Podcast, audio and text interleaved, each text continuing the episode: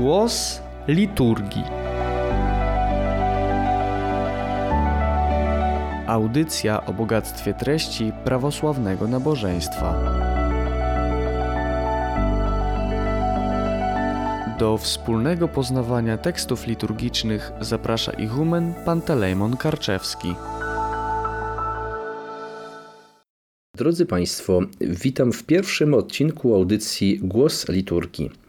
Zapraszam wszystkich Państwa na podróż po prawosławnym nabożeństwie, na podróż po bogactwie liturgii w tradycji prawosławnej, po bogatych obrzędach, tekstach liturgicznych, hymnach śpiewanych na nabożeństwie w cerkwi. W cyklu audycji omawiać będziemy to, co chce nam przekazać nabożeństwo, czyli treści dydaktyczne, duchowe, teologiczne, jakie otrzymujemy uczestnicząc w obrzędach liturgicznych, a także to, co my chcemy Panu Bogu w tych nabożeństwach przekazać, o co i jak my się modlimy. W naszych audycjach będziemy poznawać także bogactwo języka liturgicznego naszej cerkwi, jakim jest język cerkiewno-słowiański. Będziemy oczywiście tłumaczyć hymny na język polski i nie tylko je czytać, ale i słuchać w wykonaniu, w melodii takiej, jakiej słyszymy je na nabożeństwach w cerkwi.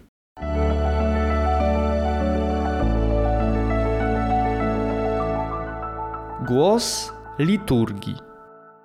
Pierwsza część naszych rozważań, pierwszy odcinek audycji Głos liturgii poświęcony jest świętu, w okresie którego teraz się znajdujemy, a mowa o święcie zaśnięcia Bogurodzicy, uspienia przez Światłej To ostatnie wielkie święto w roku liturgicznym, święto zmykające wszystkie wydarzenia z ziemskiego życia Chrystusa i Bogu Rodzicy. Царство сохранила еси, успели мира не оставила еси Богородице, приставилась еси к животу Мати суши живота, и молитвами Твоими избавляешь от смерти. Zaśnięcie to jedno z dwóch świąt z grupy dwunastu najważniejszych świąt, które dotyczy wydarzenia, jakie odbyło się już po Pięćdziesiątnicy, czyli już po wydarzeniach opisywanych w Ewangelii i dziejach. Y, wiemy z tradycji, że Matka Boża, zgodnie ze słowami wypowiedzianymi przez Chrystusa na krzyżu, pozostała pod opieką apostoła Jana. I pod koniec życia miała objawienie Archanioła Gabriela, który zwiastował jej, że zbliża się jej odejście. Na ten moment do Jerozolimy przybyli apostołowie, z wyjątkiem apostoła Tomasza. Uczestniczyli w wyjątkowym pogrzebie Bogu Rodzicy. Ciało Matki Bożej zostało złożone w ogrodzie Getsemani, w pobliżu grobów jej rodziców, czyli Joachima i Anny, a także Józefa oblubieńca. Wspomnieliśmy już, że na pogrzeb nie przybył apostoł Tomasz. Dotarł on do Jerozolimy dopiero na trzeci dzień po uroczystościach. Bardzo pragnął ujrzeć po raz ostatni Bogorodzicę. Otworzono zatem grób i okazało się, że jest on pusty, że ciała Najświętszej Bogorodzicy w nim nie ma, że zostało zabrane przez Chrystusa.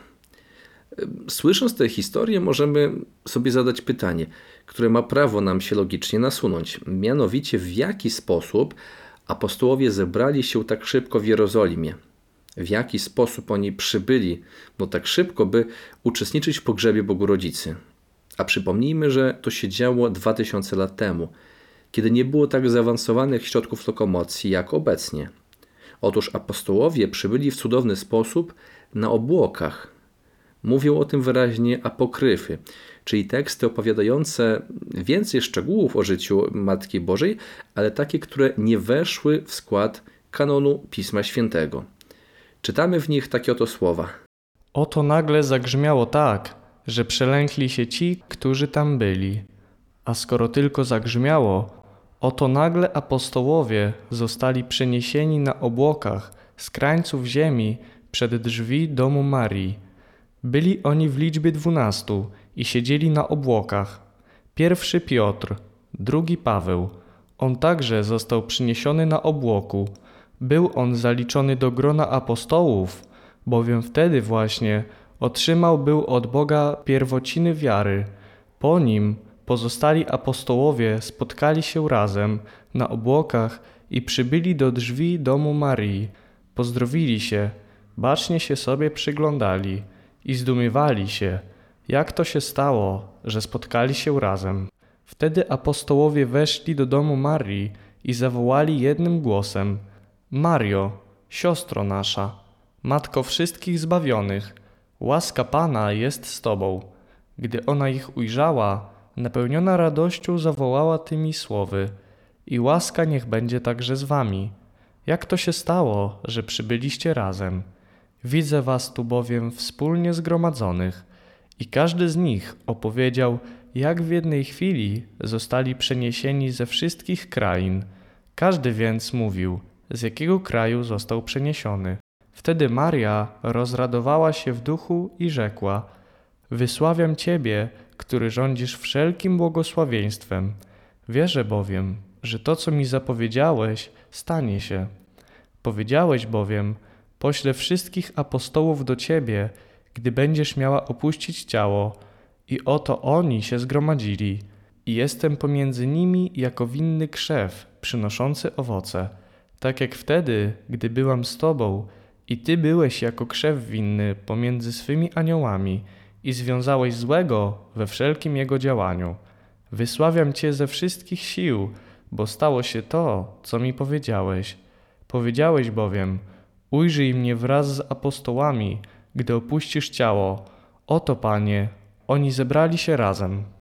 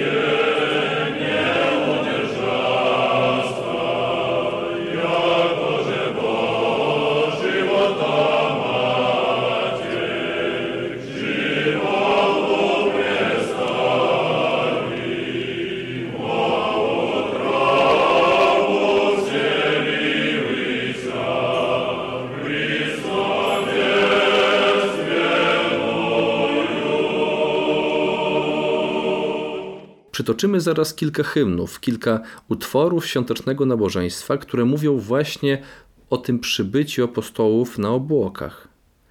A zaczniemy od tekstu jednego z ostatnich chronologicznie, bo kończącego już jutrznie. Chodzi o stichirę do psalmów pochwalnych, stichirę na chwalitiech, kończącą cykl tych stichir. W języku cerkiewnosłowiańskim rozpoczyna się ona słowami na biesmiertno je Twoje uspienie.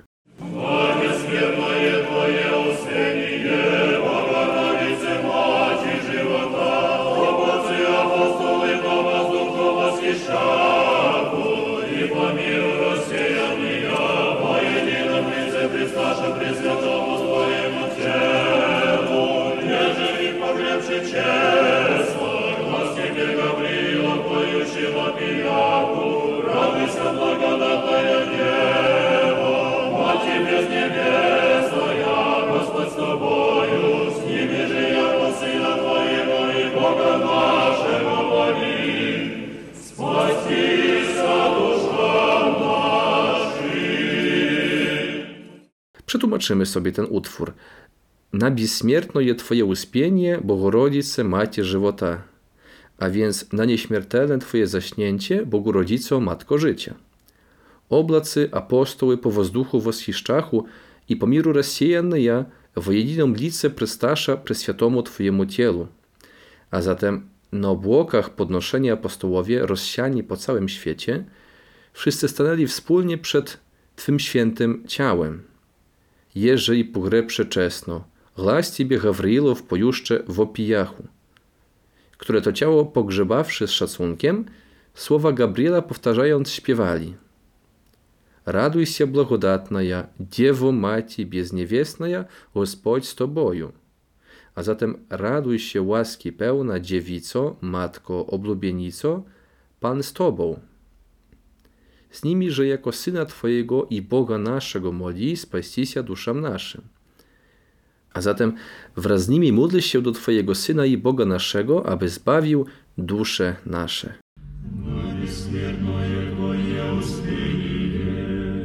Богородице, Матерь живота, Облацы апостолы по воздуху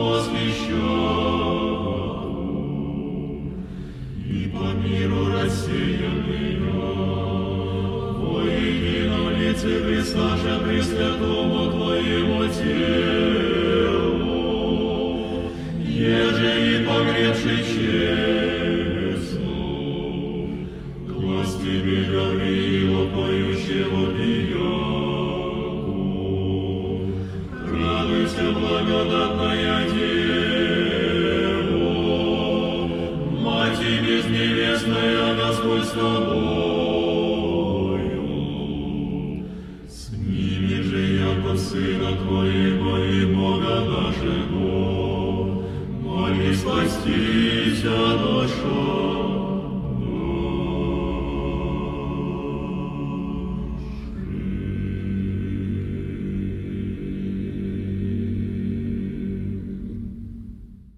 Teraz cofniemy się nieco chronologicznie. Największą część jutrzni wypełnia śpiew i czytanie kanonu.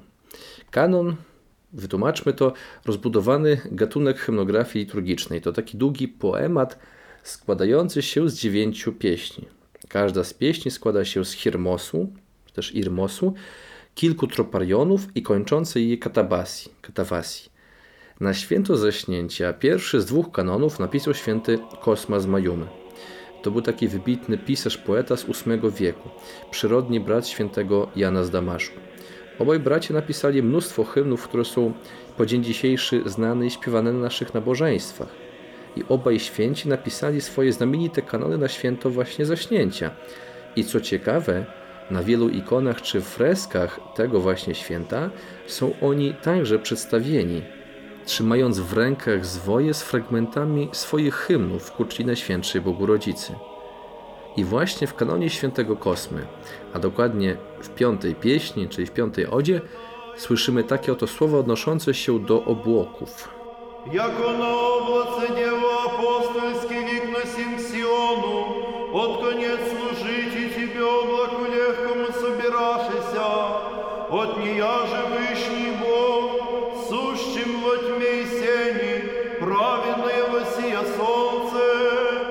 Święty Kosma pisze: Jak na obłoku, dziewico, unosił się chór apostołów z krańców ziemi do Syjonu i zgromadził się, aby posłużyć Tobie, lekkiemu obłokowi. Z Ciebie bowiem, będącym w ciemności i mroku, sprawiedliwe zajaśniało słońce, najwyższy Bóg. A więc w tym tekście mamy podwójne wspomnienie o obłoku, bo obłokiem określane jest też poetycko sama Matka Boża. Dlaczego obłokiem? Mianowicie takie określenie Bogorodzicy związane jest ze starotestamentowym proroctwem Izajasza, bo w rozdziale 19 Księgi Izajasza czytamy Oto Pan, wsiadłszy na lekki obłok, wkroczy do Egiptu. Ten obłok interpretowany jest jako proroctwo o Bogu Rodzicy. Przecież Chrystus przyszedł na świat dzięki niej. On wcielił się właśnie w nią, w łono Najświętszej Bogu Rodzicy. Więc przyszedł na niej niczym na lekkim obłoku. Ten lekki obłok występuje w wielu hymnach ku czci Matki Bożej. W kanonie do Matki Bożej w Hirmosach powtarzanych przez cały rok liturgiczny słyszymy, że Jezus, który siedzi w chwale na tronie bóstwa, przyszedł na lekkim obłoku. Siedziaj w sławie na prestole Bożestwa, w oblace lechce przyjdzie Jezus prebożestwienny. Głos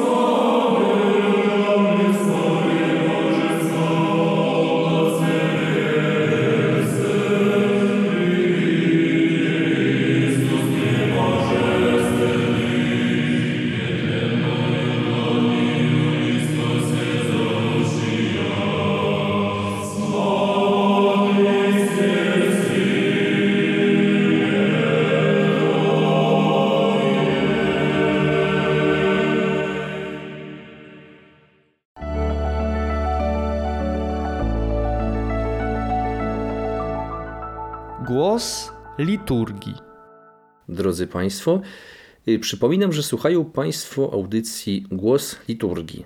Omawiamy hymny święta zaśnięcia Bogu Rodzicy i skupiliśmy się na fakcie, że na pogrzeb Matki Bożej apostołowie przybyli w cudowny sposób na obłokach. Jest jeszcze jeden utwór, który o tym fakcie wspomina. Chyba najważniejszy ze wszystkich dzisiaj omawianych, a mowa o stichirze na wieczerni.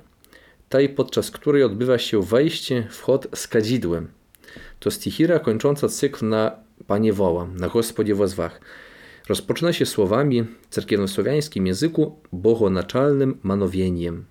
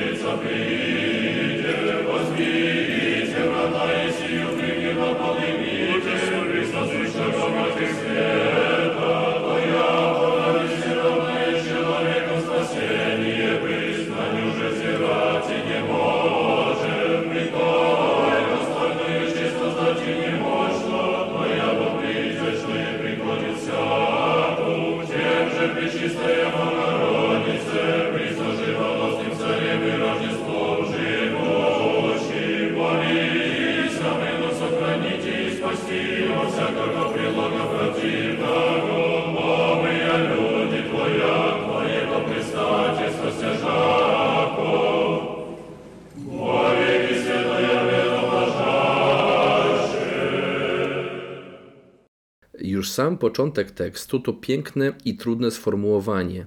Bogonaczalnym manowieniem, po grecku thearchio pneumati, a więc z Bożego polecenia, z Bożej woli, apostołowie podniesieni na obłokach zewsząd przybywają, aby stanąć przy Twoim najczystszym i życiodajnym ciele i z miłością Ciebie ucałować.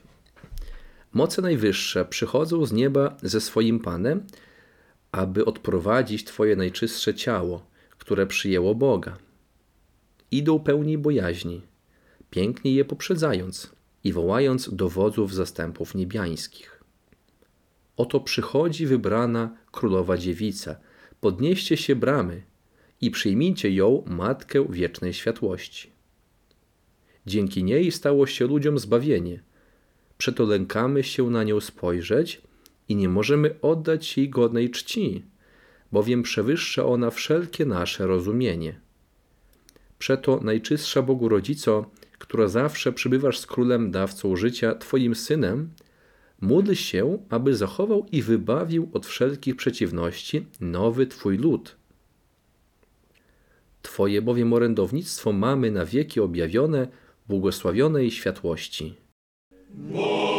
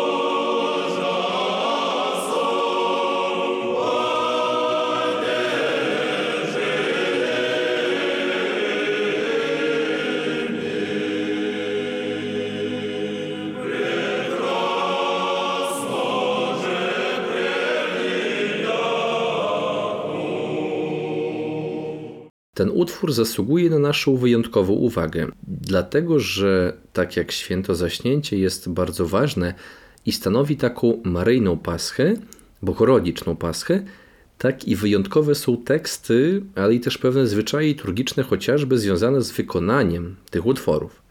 I ta omawiana teraz przez nas stichira stanowi przykład takiego ewenementu, powiedzielibyśmy, nie mającego precedensu w całym roku liturgicznym. Żeby dobrze to opisać, muszę najpierw wspomnieć, że w prawosławnej tradycji muzycznej mamy 8 tonów, 8 głasów. To stara tradycja bizantyjska i w bizantyjskiej melodyce te tony nawiązują do różnych starożytnych melodii. I każdy z utworów, czy to troparion, czy to stichira, czy kanon, mają przyporządkowany sobie dany ton, czyli daną linię melodyczną. Mówimy wtedy, że jest to stichira na przykład tonu piątego, stichira na głaz piąty. I omawiana przez nas stichera bogonaczalnym manowieniem jest śpiewana według tonu pierwszego, takiego najbardziej uroczystego. Ale istnieje taki zwyczaj, by tę stichirę dzielić na dziewięć części, a jest ona dość długa, i każdy werset śpiewać według innego tonu, według innej melodii. Dziewięć dlatego, że ostatni wers śpiewany jest ponownie w pierwszym tonie. U nas jest to dość mało znany zwyczaj, ale praktykowany chociażby w ławrze kijowsko-pieczerskiej. I posłuchajmy jednego z takich wykonań, tym razem w wykonaniu chóru żeńskiego.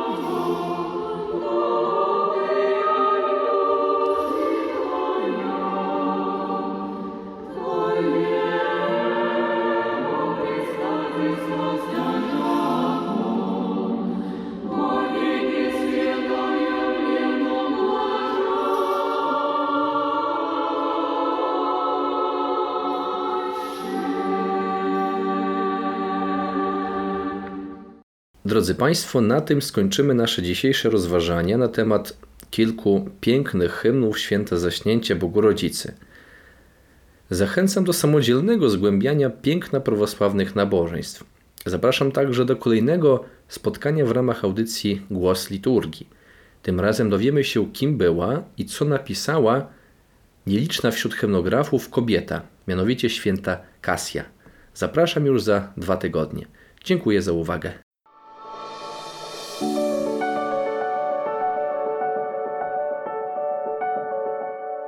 Była to audycja Głos Liturgii. Radio Nadziei, Miłości i Wiary.